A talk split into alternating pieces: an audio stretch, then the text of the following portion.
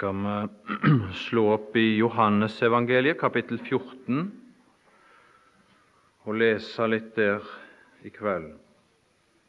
Det sier seg sjøl at eh, det lar seg ikke gjøre å ta tid til å se på disse forskjellige husholdningene.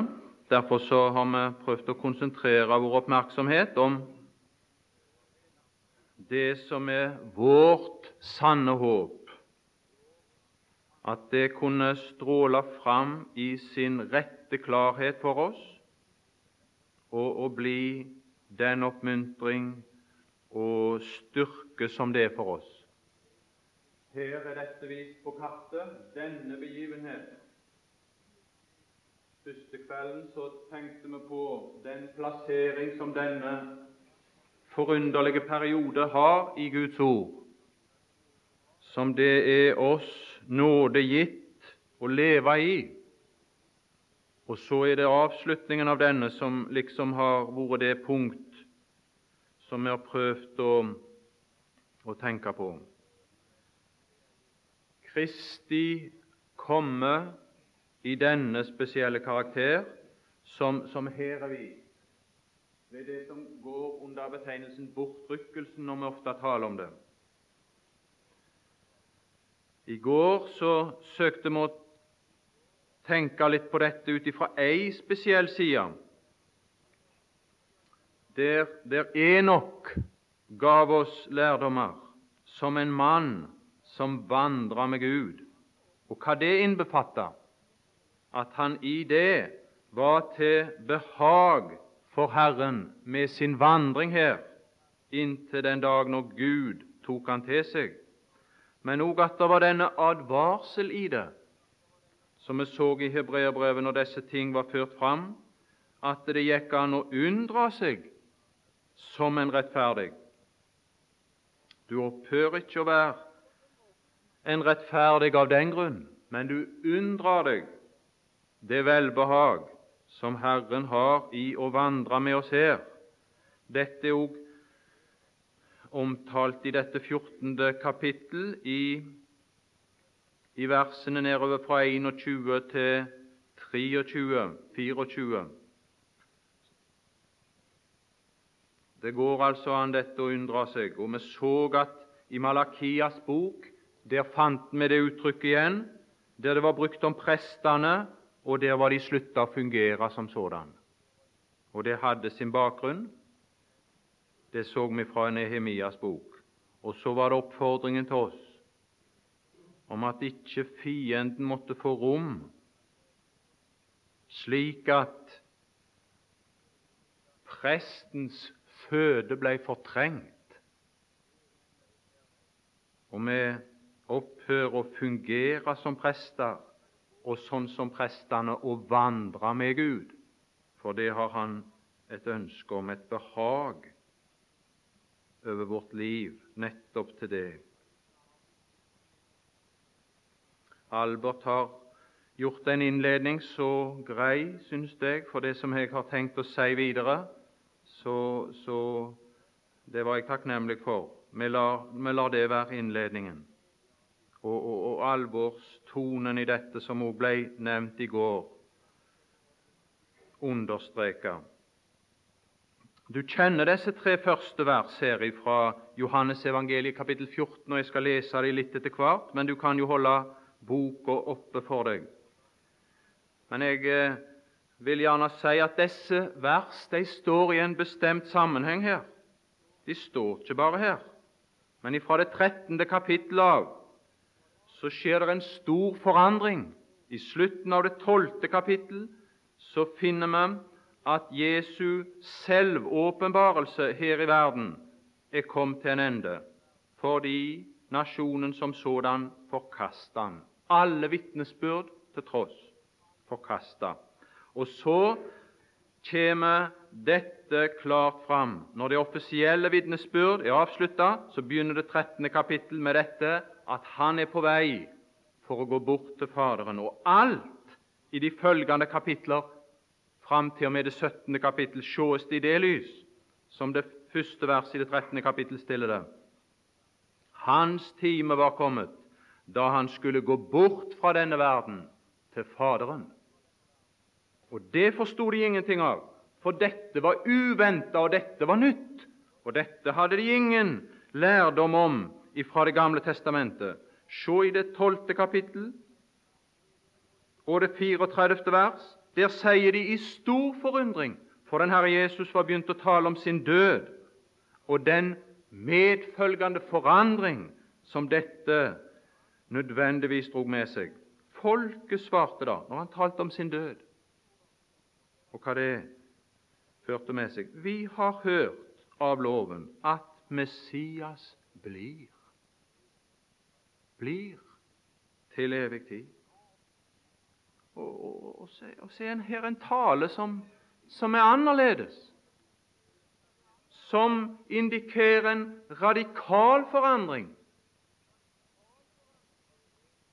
Vi har hørt av loven at Messias blir, men at han ikke skulle bli, men at han skulle gå bort. Nei, det hadde de ikke fått noe undervisning om, den Herre Jesus starter i det 13. kapittel og søker å føre inn disse nye ting der messianske håp blir fullstendig overstrålt av den nye plass han i kraft av sin død skulle innta i en høyere sfære. Og er ikke dette hovedvitnesbyrdet i vår tid? Det strålende lys ifra den åpne himmel, det var dette han søkte, men de de var seine til å lære. Sjøl på oppstandelsens dag så, så, var det det samme opp igjen, fullt med jødiske håp, jordiske håp. Ja, når gjenreiser du riket? Det må vel snart skje nå?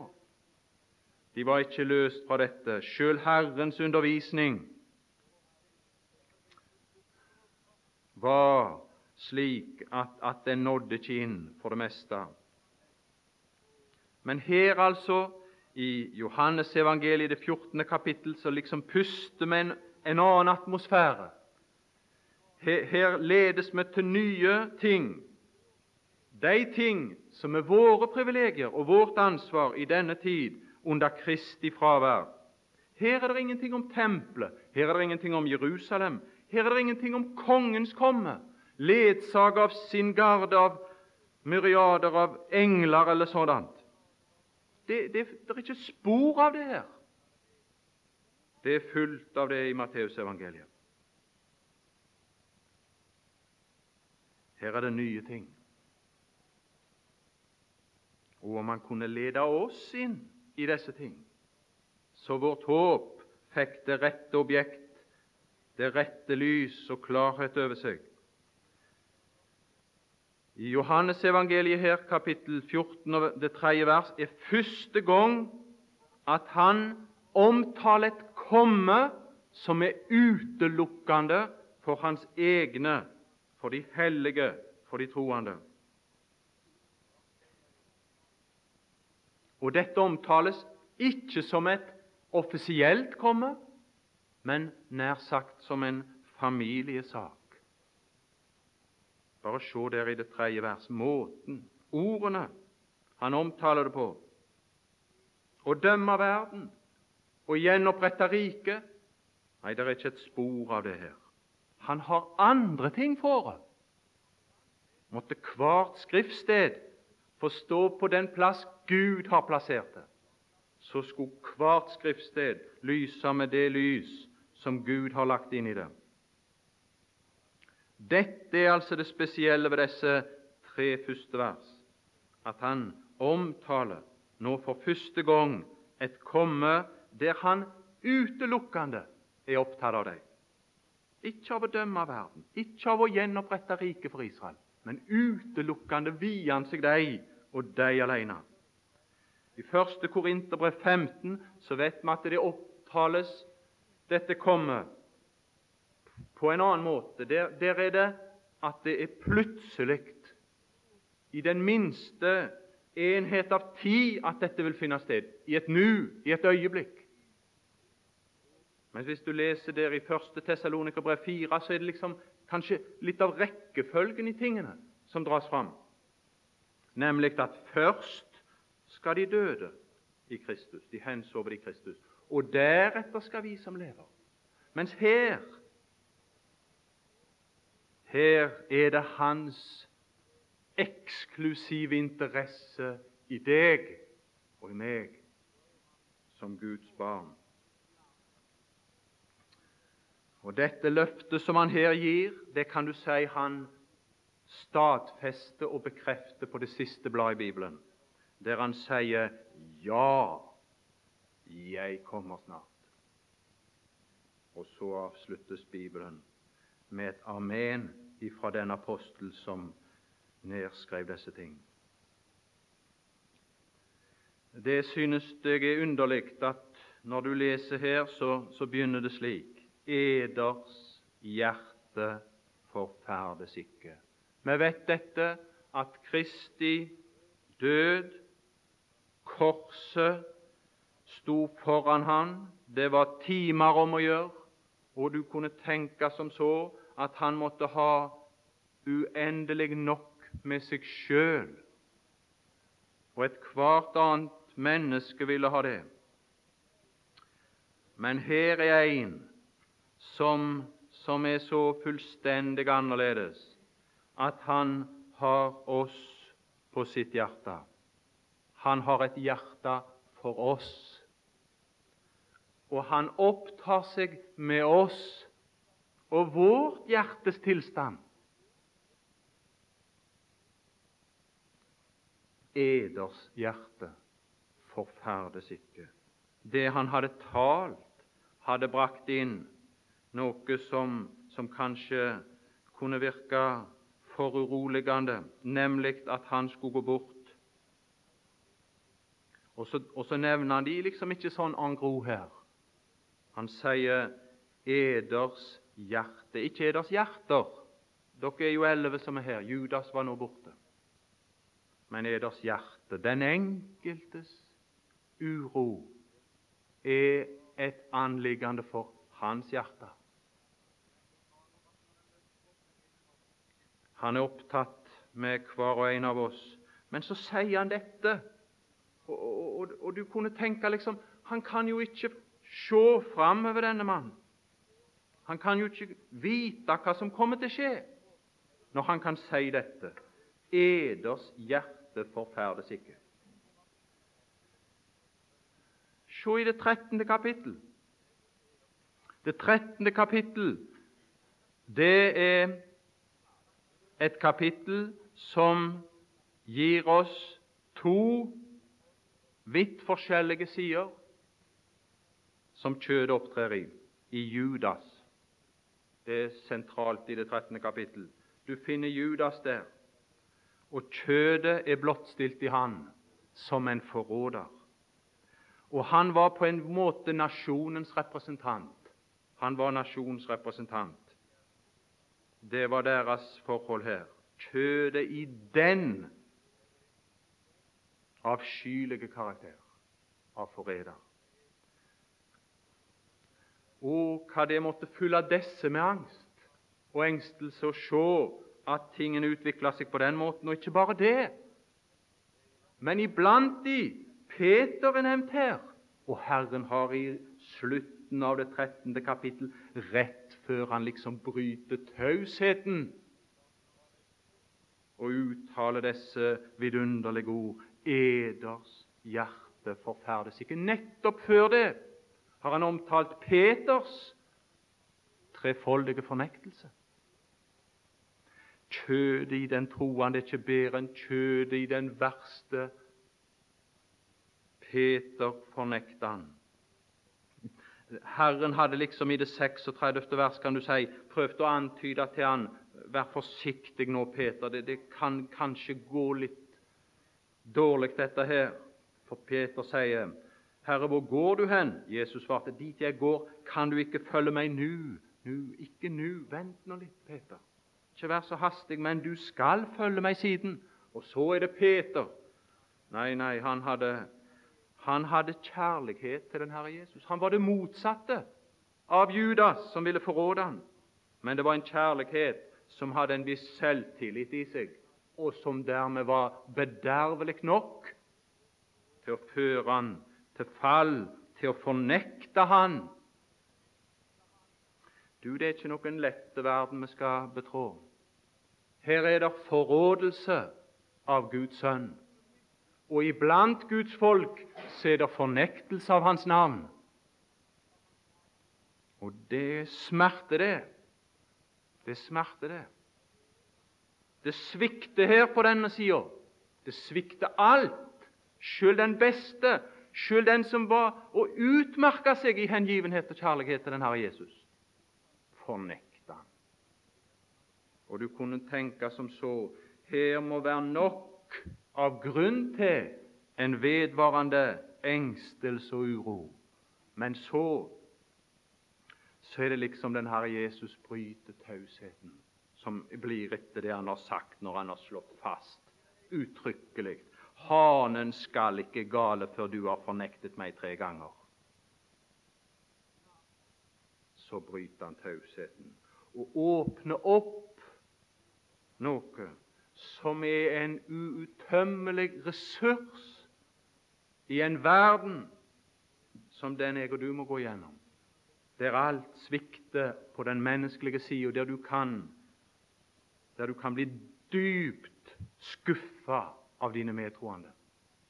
Og hvis du har sett deg litt i speilet, så kan du bli djupt skuffa av at du, som hadde lyst, kanskje, å utmerke deg som en som elsker den Herre Jesus, sjøl når de andre svikta, så skulle den ikke svikta her, og så svikta det her så svikta det her, men så svikta det ikke der. Å, for en trøst i disse ord. Eders hjerte forferdes ikke. Tro på Gud.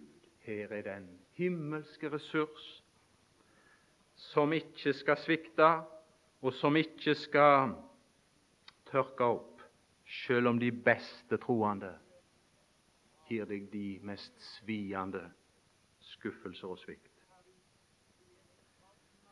Det er liksom man må stille deres hjerter i ro i lys av denne faretruende verden de skulle gjennom, før han liksom kan komme inn med det nye lys og den herlige åpenbarelse av det håp som han stiller foran dem. Først dette Hjertene deres må komme til ro, sånn at dere i det hele tatt er i stand til å lytte til det jeg har å si. Tro på Gud, det er det som er ressursen i dette mørket. Tro på Gud. Dere tror på Gud. Dere har aldri sett Gud. Dere tror på Gud. Tro òg på meg. Nå skal jeg gå bort og jeg skal være utenfor synsranden. Dere har vært vant med å regne med en Messias som blir her. Tro også på meg nå, når jeg inntar den plass utenfor synsranden. Og ved at dette blir satt foran oss, og Han blir troens objekt, i herlighet, det er vår sikre feste i denne svikefulle verden, der kjødet i alle karakterer, hos den, det verst tenkelige mennesket, hos det best og mest gudfryktige troende, er svikefullt. Her er det noe som ikke er svikefullt. Det 13. kapittel har på en måte utvikla for oss det som skal ligge i dette tro og tro på meg. Nå, for nå er jeg i ferd med å gå herifra. Det har det 13. kapittel, vers 1, allerede stilt i det lys. Jeg går til Faderen. Og Hvis du ser i det 17. kapittel, så taler han allerede som om Han har forlatt verden. Jeg er ikke lenger i verden, sa han i det 17. kapittel, men disse er i verden. Jeg kommer til deg. Og nå skal jeg demonstrere hva slags art av tjeneste jeg skal oppta når jeg nå går der. For jeg har noen som er svake, og som skal være her. Og jeg, og troen på meg, skal være deres sikre ressurs i all svakhet som oppstår.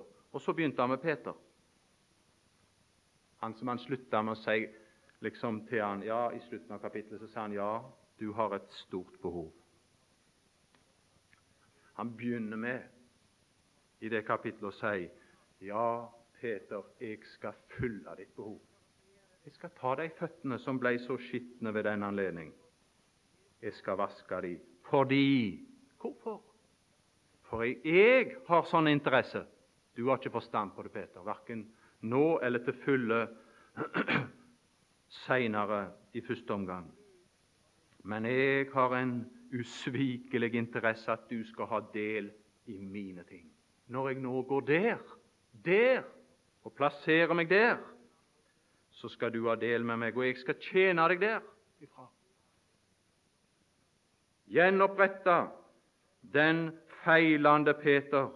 Gjenoppretta det samfunn. Og er det ikke det Efeserbrevet kapittel 5, 26 forteller oss at han er aktive med? Og var det ikke for det, så vil jeg spørre hvor var du i dag?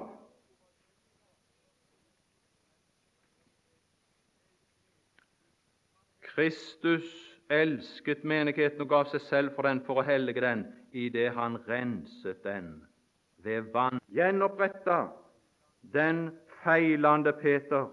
Gjenoppretta det samfunn. Og er det ikke det Efeserbrevet kapittel 5, 26 forteller oss at han er aktive med? Og var det ikke for det, så vil jeg spørre hvor var du i dag?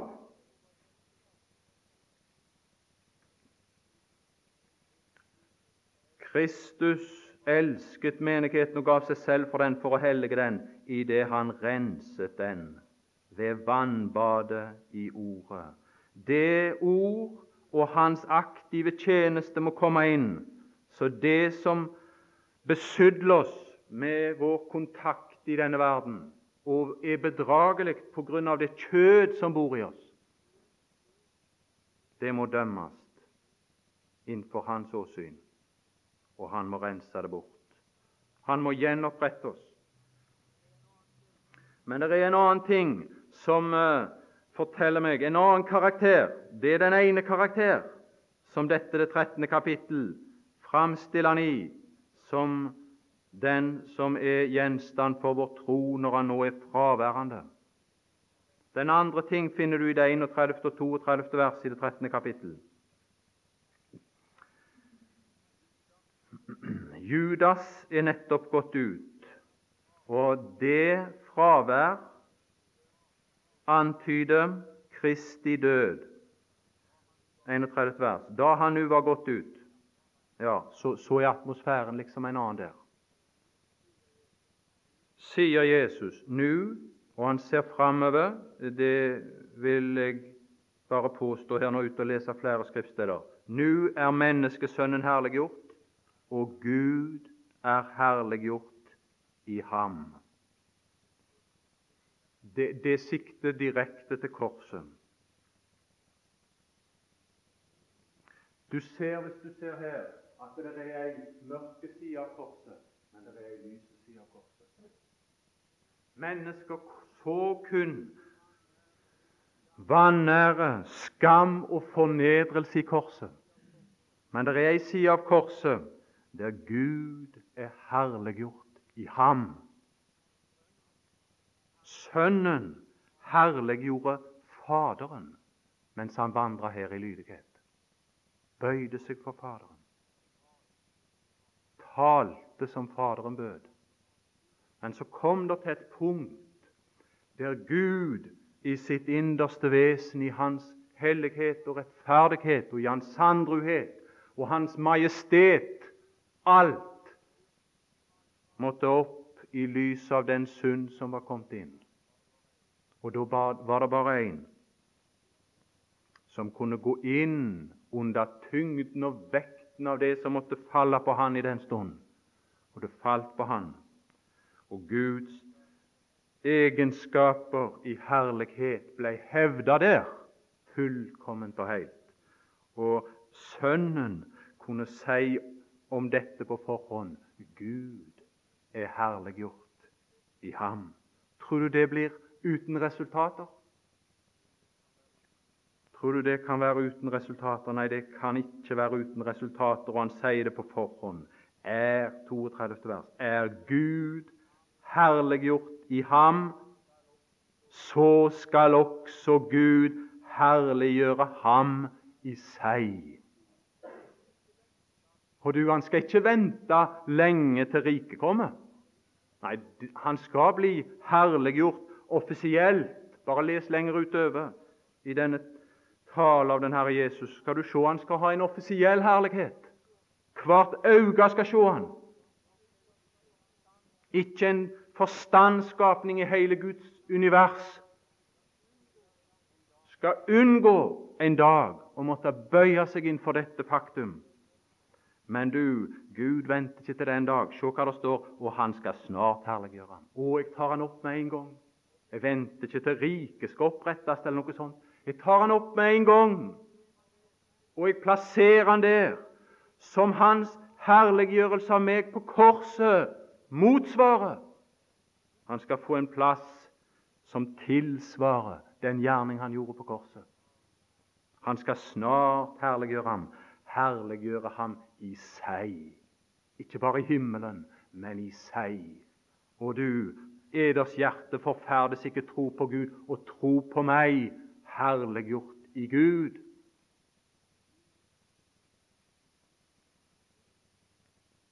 Det sikrer det er usvikelige ting. Her har alt vært for dagen. Her er det ingenting som kommer til å bli oppdaga som kan omgjøre tingene. Det hele har vært tatt opp. Og Gud er herliggjort i ham, og han har fått en plassering der. Tro på Gud og tro på meg, ikke bare som den som tjener deg der, men som den som i kraft av min død er herliggjort i Gud. Det er sterkt uttrykk, det.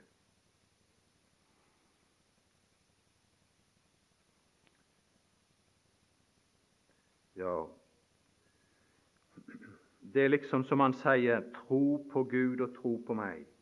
La, la, la deres tro heve seg ifra de jødiske forhåpninger, den jordiske form, med nærværende Messias, La det heve seg til den sanne, rette kristne karakter av deres håp, som stråler ut ifra en herliggjort Kristus i himmelen i kraft av fullkomment verk.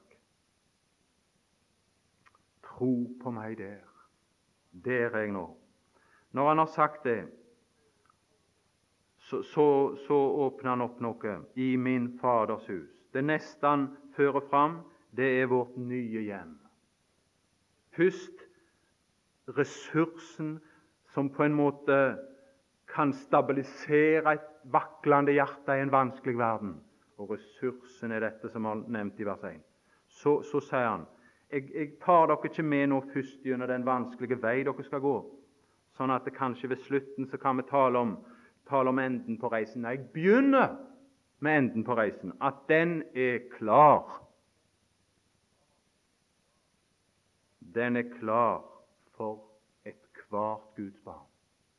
For det mest feilende og snublende Guds barn er reisens mål klart. Og Derfor så stiller han dette framfor dem i det andre vers i min Faders hus. I det andre kapittelet i Johannes evangeliet der har han talt om templer, så kalte han det Faders hus. Og Her tar han igjen opp det uttrykk, så jeg for min del synes det er klart at han refererer til tempelet her, den Herre Jesus, som forbilde for det han skal omtale. I går talte vi litt om det å fungere som prest. Her, her er òg helligdommen. her er Faderhuset. Her er vårt hjem, vårt nye hjem. Og jeg vil si vårt evig blivende hjem. Det er et uttrykk som står i Hebreerbrevet 13. kapittel, og det, det er godt å vite. Vi skal ikke flytte mer når vi kommer der. Der står det i det 14. vers For vi har ikke her Vi har ikke her Ja, men det var jo her jødene hadde alt. Ja, men her var noen jøder som var ført ut ifra det system og hadde fått nytt håp, nye løfter. For vi har ikke her en blivende stad, men søker den kommende, og den kommende stad er vårt blivende hjem. Og Uten at det skal ta noe tid å gå inn på det som står her om de mange rom, så tror jeg at den Herre Jesus refererer til det som var i tempelet. Det var nemlig en forskjell mellom tabernakel og tempelet. Ja, mer, mer enn én en forskjell, men, men, denne var tydelig. I tabernakelet var det ingen boliger for prestene. Men i tempelet ble det, bygd noe kammer rundt omkring, sånn at eh, prestene skulle ha midlertidige oppholdssteder mens de gjorde sin tjeneste i tempelet. og Det gjorde de etter en viss sånn turnusordning. Men for oss så taler det om blivende nærhet i forhold til Faderen. Og det er for meg en vidunderlig tanke. Blivende nærhet til Faderen.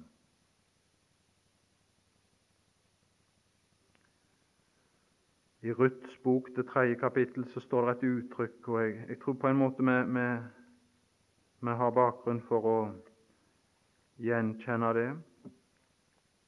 Og hvis det er sånn på det som vi har opplevd på det jordiske området, hvor mye mer skulle ikke dette vers tale til oss?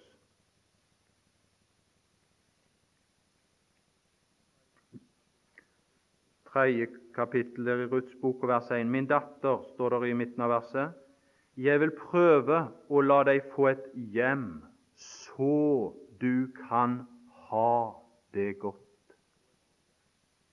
Å få et hjem, det betyr å ha det godt. Og hvis det betyr det for oss rent som mennesker, hva betyr det ikke da å kunne se opp der, der den usvikelige Guds bolig er, og si at det er mitt hjem, og der er alt godt samla, samla for meg. I min Faders hus hadde mange rom. Var det ikke så, da hadde jeg sagt dere det. Ja, den Herre Jesus vil ikke ha vil ikke ha søkt å vekke opp hos de noen tomme innbilninger som han skulle skuffe nå. Det svarer ikke til den Herre Jesu karakter. Var det ikke så Altså, dette lyder så utrolig, egentlig. For jeg og du har et jordisk legeme, og vi er skapt for jorden og av jorden. Og så begynner en her å tale om at vårt rette hjem, våre rette forbindelser, de er knytta til en annen sfære som ikke er skapt for. Vi kunne tenke at det, det, virker utrolig. Ja, den Herre Jesus foregrep de vantros tanker som er hos oss, som er så trege til, til å tenke at, at, kan det virkelig være sånn? Var det ikke så, så kan du være sikker han skulle ha, han skulle ha tatt ifra oss de illusjonene, den Herre Jesus. Han som er sannheten.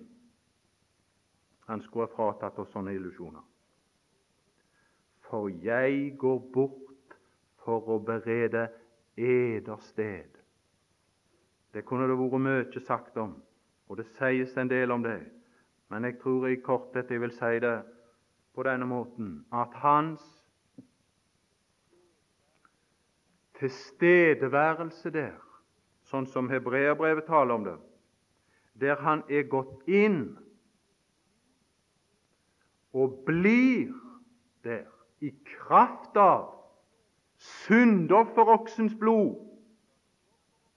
På det grunnlag er han der. Og på det grunnlag sier hebreerbrevet at vi nå allerede kan gå inn. Og på det grunnlag kan vi gå inn og forbli der for evig.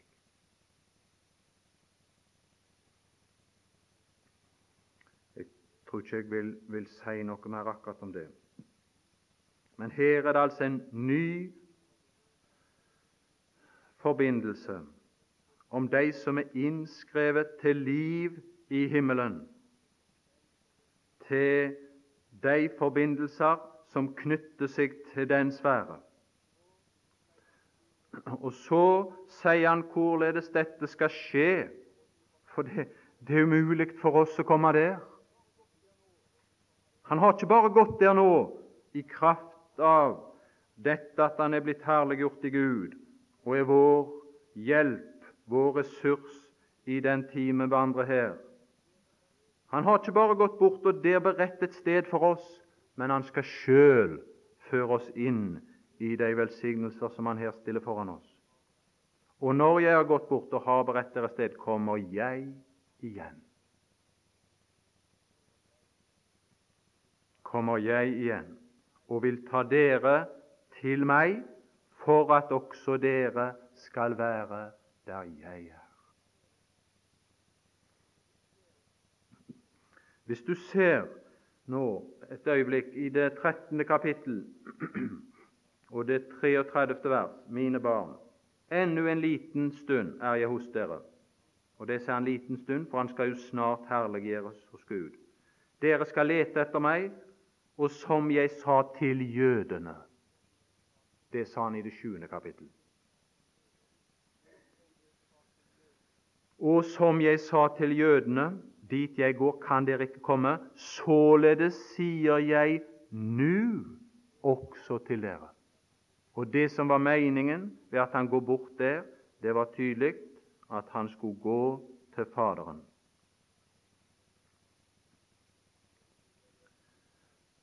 Det sier jeg nu også til dere. Men han er ikke kommet lenger enn til det 14. kapittel, så må han si men, men snart så skal jeg ha dere der.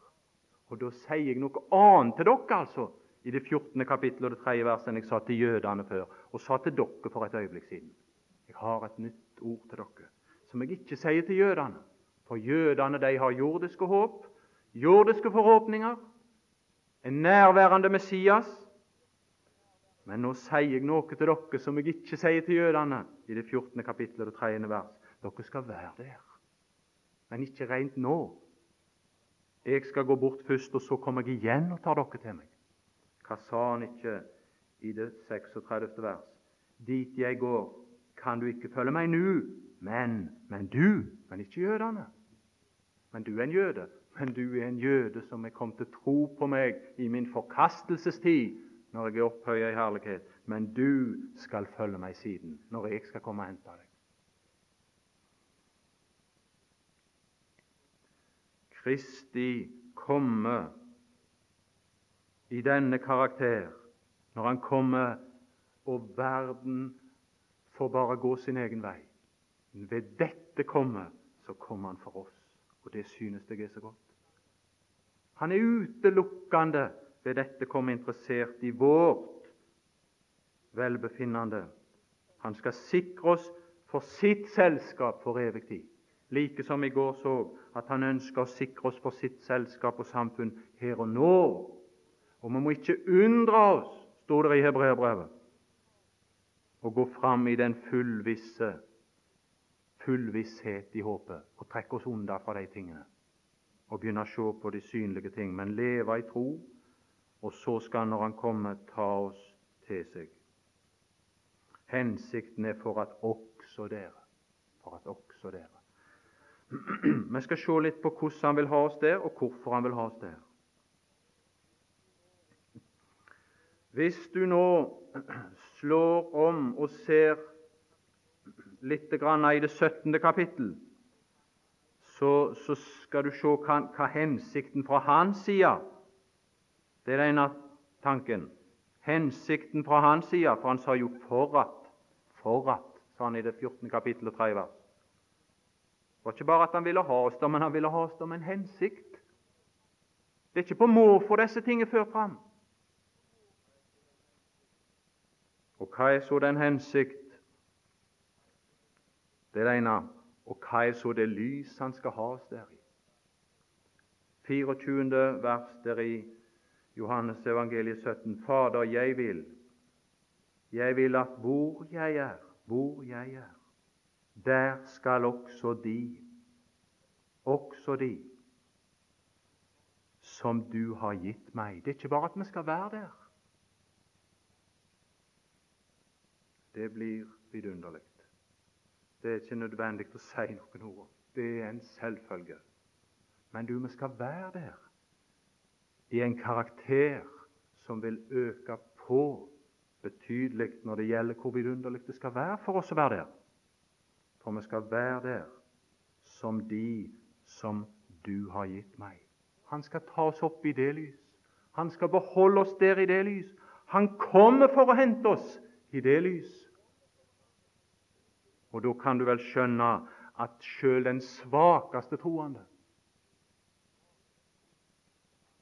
er med når han kommer, for han kommer og henter oss i den karakter, nemlig som de som er gitt oss, som, som er gitt av Faderen til Kristus. Så Kristus kommer og henter oss ikke bare ut av hensyn til oss, men han kommer og henter oss ut av hensyn til Faderen. Han kommer og henter oss ut av takknemlighetsgjeld til Faderen. Han vil ha oss der på grunn av Faderen. Og da blir ingen latt tilbake. Gud være lovet. Jeg skal heller ikke bli tilbake. Fader, jeg vil at hvor jeg er, der skal også de som du har gitt meg, være hos meg. og i min nærhet. Hva var hensikten? Jo, den kom uttrykkelig her nå. For at de skal se. I versene foran her i det 17. kapittel så er det omtalt herlighet som han gir. Som han gir oss, og som vi kan ta del i. Men her er en indre sirkel i en personlig herlighet som han ikke kan dele med noen. men som han har den inderlige interesse i at jeg og du skal få se en dag. For at de skal se min herlighet. En herlighet som han ikke kan dele, som ikke kommer til å bli framvist. Sjøl når han viser seg i makt og herlighet, når han skal stråle ut gjennom den gjennomsiktige stad, det nye Jerusalem, som er lagd av glass. Men det er, det, er, et indre forhold her som ikke alle blir deltakende til. Det er hans personlige herlighet som ingen andre kan dele. Du, han vil ha oss der for at jeg og du skal se det. Hva tror du det syn skal dra med seg? Hva tror du det syn skal dra med seg? Hans hjerte lengter til at jeg og du skal få se dette skuet. Ja, hva har det med å gjøre? Ja, det har iallfall dette med seg. Min herlighet Ja, du har gitt meg den, og de skal jeg ta. Men du har gitt meg den. Hva det går ut på, det må jeg si, det skjønner jeg ingenting av. Men, men, men her står noe om begrunnelsen hvorfor han har fått akkurat det. Og han er så ivrig på at jeg og du skal få se det, vi som òg er gitt han av Faderen, for at de skal se min herlighet som du har gitt meg, fordi du har elsket meg. Før verdens grunnvoll ble lagt. Måtte jeg og du grunne på hva dette måtte være. Storhet av herlighet skal det i alle fall være. Og det er dette vi skal gå inn på her. Hvis du leser i åpenbaringen, så vil du se Nå skal jeg snart prøve å komme til, til veis ende her. Når du leser i åpenbaringen, så vil du se at de blir satt på troner. Og det, det er snakk om å herske, og det er herredømme. Og det er oppgaver, og det er framtidige ting. Ja visst, vårt håp er omfattende, og det som jeg tar fram nå, det er bare et glimt. Men det, men det er ikke det som er saken her. Her er saken det er Faderhuset. Hvert Guds barn skal inn i Faderhuset, og de skal inn på like betingelser, om du vil. Det er ikke dine, din storhet eller hva du har fått utført her. Det skal komme fram litt seinere. Men ikke her. Det er et skriftord som av og til blir mistyda. Det står i 2. Peters brev, første kapittel og ellevte vers. For på denne måte skal det rikelig gis dere inngang i vår Herre, Jesu, Herre og Frelser Jesu Kristi evige rike. Ja, det er en side av saken. At noen skal få en rikelig inngang, og andre skal få kanskje en litt mindre rikelig inngang. Men ikke i Faderhuset. Det vil ikke bli en forskjell på den svakeste troende på Paulus og den mest virksomme av hans apostler. Men det er en annen sak når du kommer til riket, og han skal tas med ned igjen. Men dette er ikke å komme ned igjen og komme ut ifra himmelen. Det skal vi òg gjøre en dag, ifølge Guds ord. Men her er det vår inngang i Faderhuset. Og der er det ingen forskjell med hensyn til velkomst. Der er det ingen som får en rikelig inngang, og andre en mindre rikelig inngang. Alle får en lik inngang. Og Det synes jeg er en stor trøst. Noen sier at jeg skal være glad bare jeg kommer inn forbi døra. Det må være nok for meg, for jeg fortjener jo ingenting. Nei, skulle det være etter det, så, så var det ingen som kom der. Men det er ikke det som er grunnlaget for at vi skal komme der. Og du kan være sikker at vi skal komme noe mer enn inn forbi døra. Vi skal komme der, for Han skal komme og hente oss. Og Han skal komme og hente oss fordi, fordi Han har disse hensikter med oss. Jeg vil nevne en, en liten tanke til.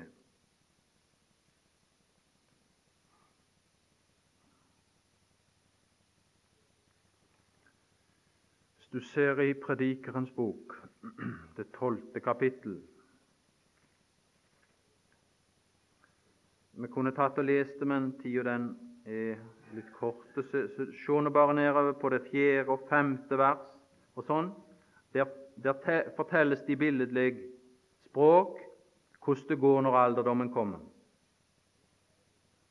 Og eh, din evne, kan vi si i all korthet, din evne til å nyte tilværelsen, om du vil,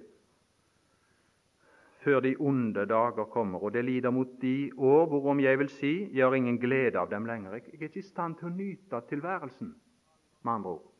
Svakhet, alderdom, svekkelse av sanser, av hele mitt apparat som istandsetter meg til å innta denne tilværelsen som jeg er satt inn i, de, de, de svekkes. Jeg er ikke i stand til det. Det som kunne skjerpe appetitten og litt forskjellig nevnes nedover her, men, men, sang og alt som kunne være vakkert for ørene, nei, det, det, det, det når ikke inn lenger.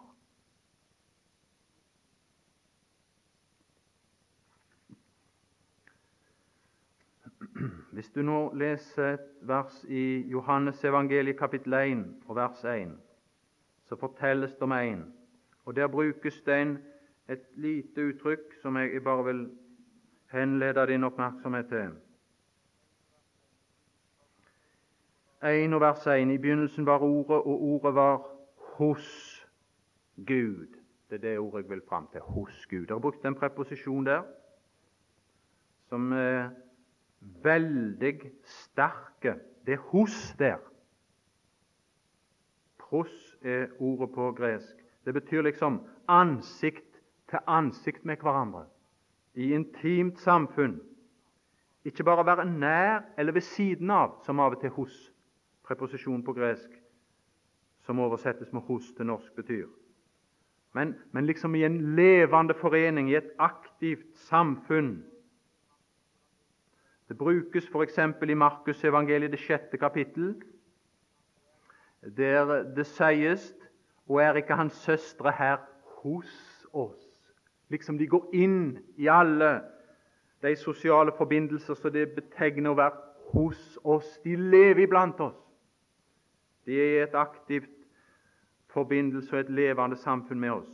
Du, det var én Sånn begynner Johannes evangeliet. Det var en som ikke var i en sånn en avsvekka tilværelse hos Faderen i sitt forhold til Gud der i den forrige evighet, men som var der, levende, fullt og helt levende i et aktivt samfunn med Faderen. Han var hos Gud. Hvis du nå slår opp i andre Korinterbrev, det femte kapittel, og i det åttende vers så finner vi den samme preposisjon brukt. Og der synes jeg det for meg iallfall Jeg greier ikke å uttrykke og få fram for det, kanskje, det, det som ligger i dette her, men, men, men der er dette sterke uttrykk brukt. Se på slutten der.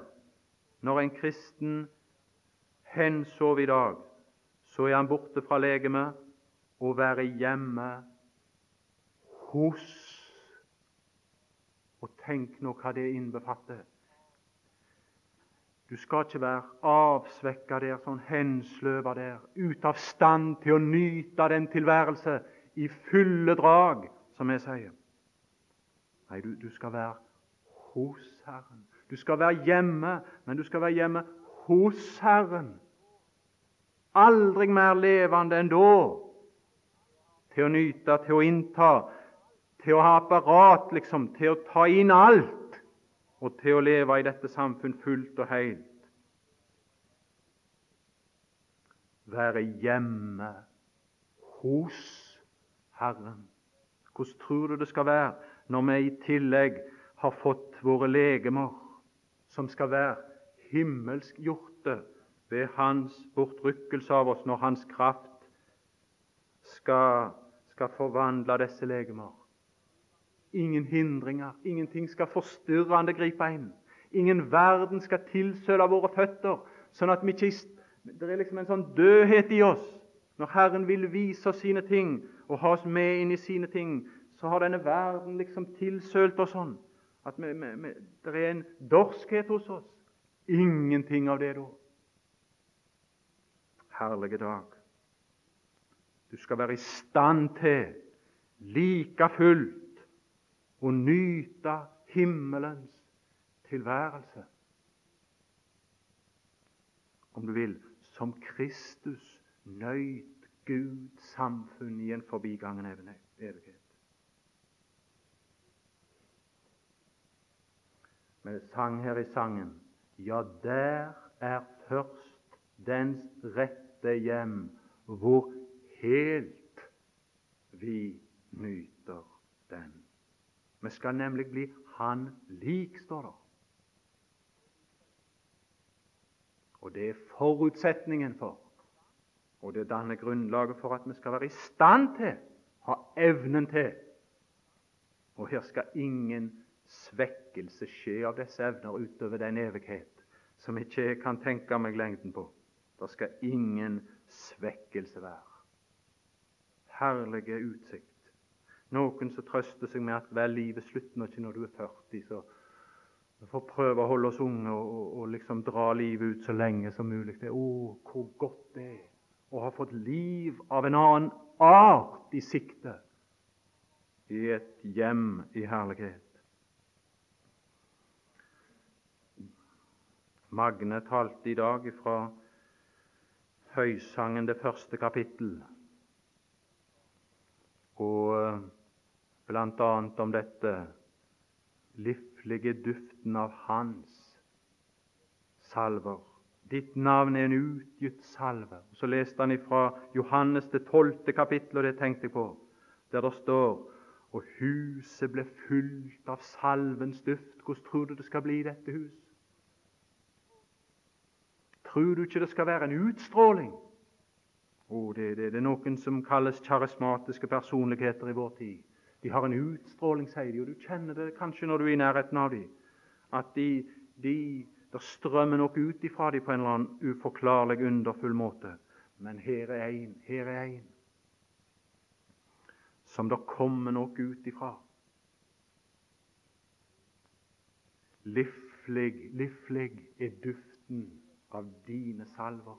De karakterer og kvaliteter som bor i Han, skal usvekka strømme imot oss. Og så skal vi på vår side være i stand til å nyte dem. Og det greier jeg så lite her. Det er så lite, for det er så mange ting som kommer inn her i denne verden.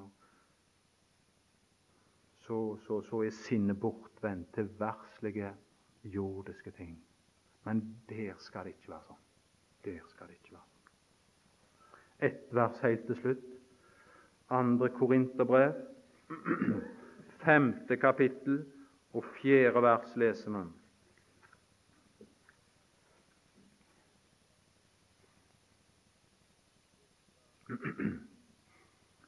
Det skal skje den herlige dag når dette løftet går i oppfyllelse.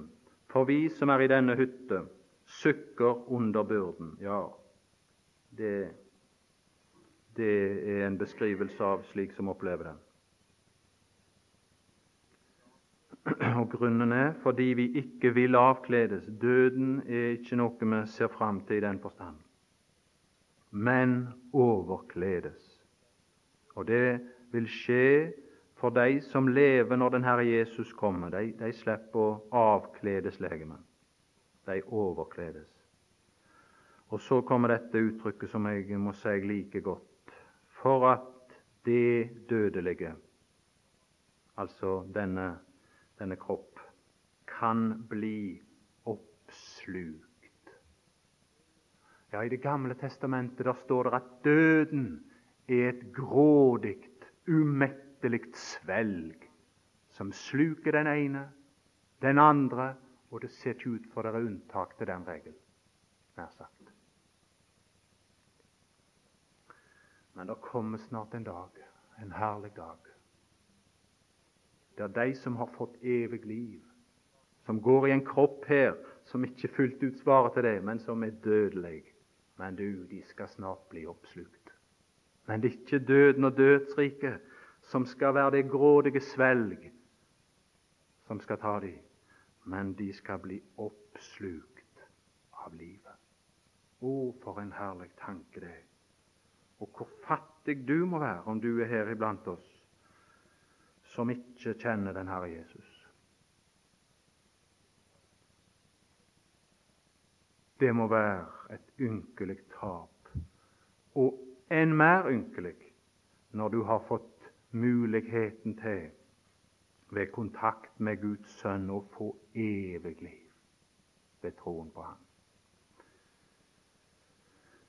Fader, vi er glad for du ved Den hellige ånd har lært oss å påkalle deg slik i den Herre Jesu navn. Takk for det herlige håp. Takk for den lyse morgen som er for oss. Men det var en det var i natt for kun her i dette kapittel foran her. Det var natt. Og måtte det ikke være tilfelle for noen som var her, at de gikk ut ifra dette inntrykk, kanskje, om du ved Den hellige ånd kunne føre ordet til noens hjerter med kraft at ikke det måtte være sant om de at de gikk ut, og det, det var natt. Det enda på den måten. Før evangeliet ut til noen på dette sted, og, og styrk oss hver og en når vi vandrer med deg i de dager som måtte være igjen, inntil du skal hente oss. Vi takker i den Herre Jesu navn. Amen.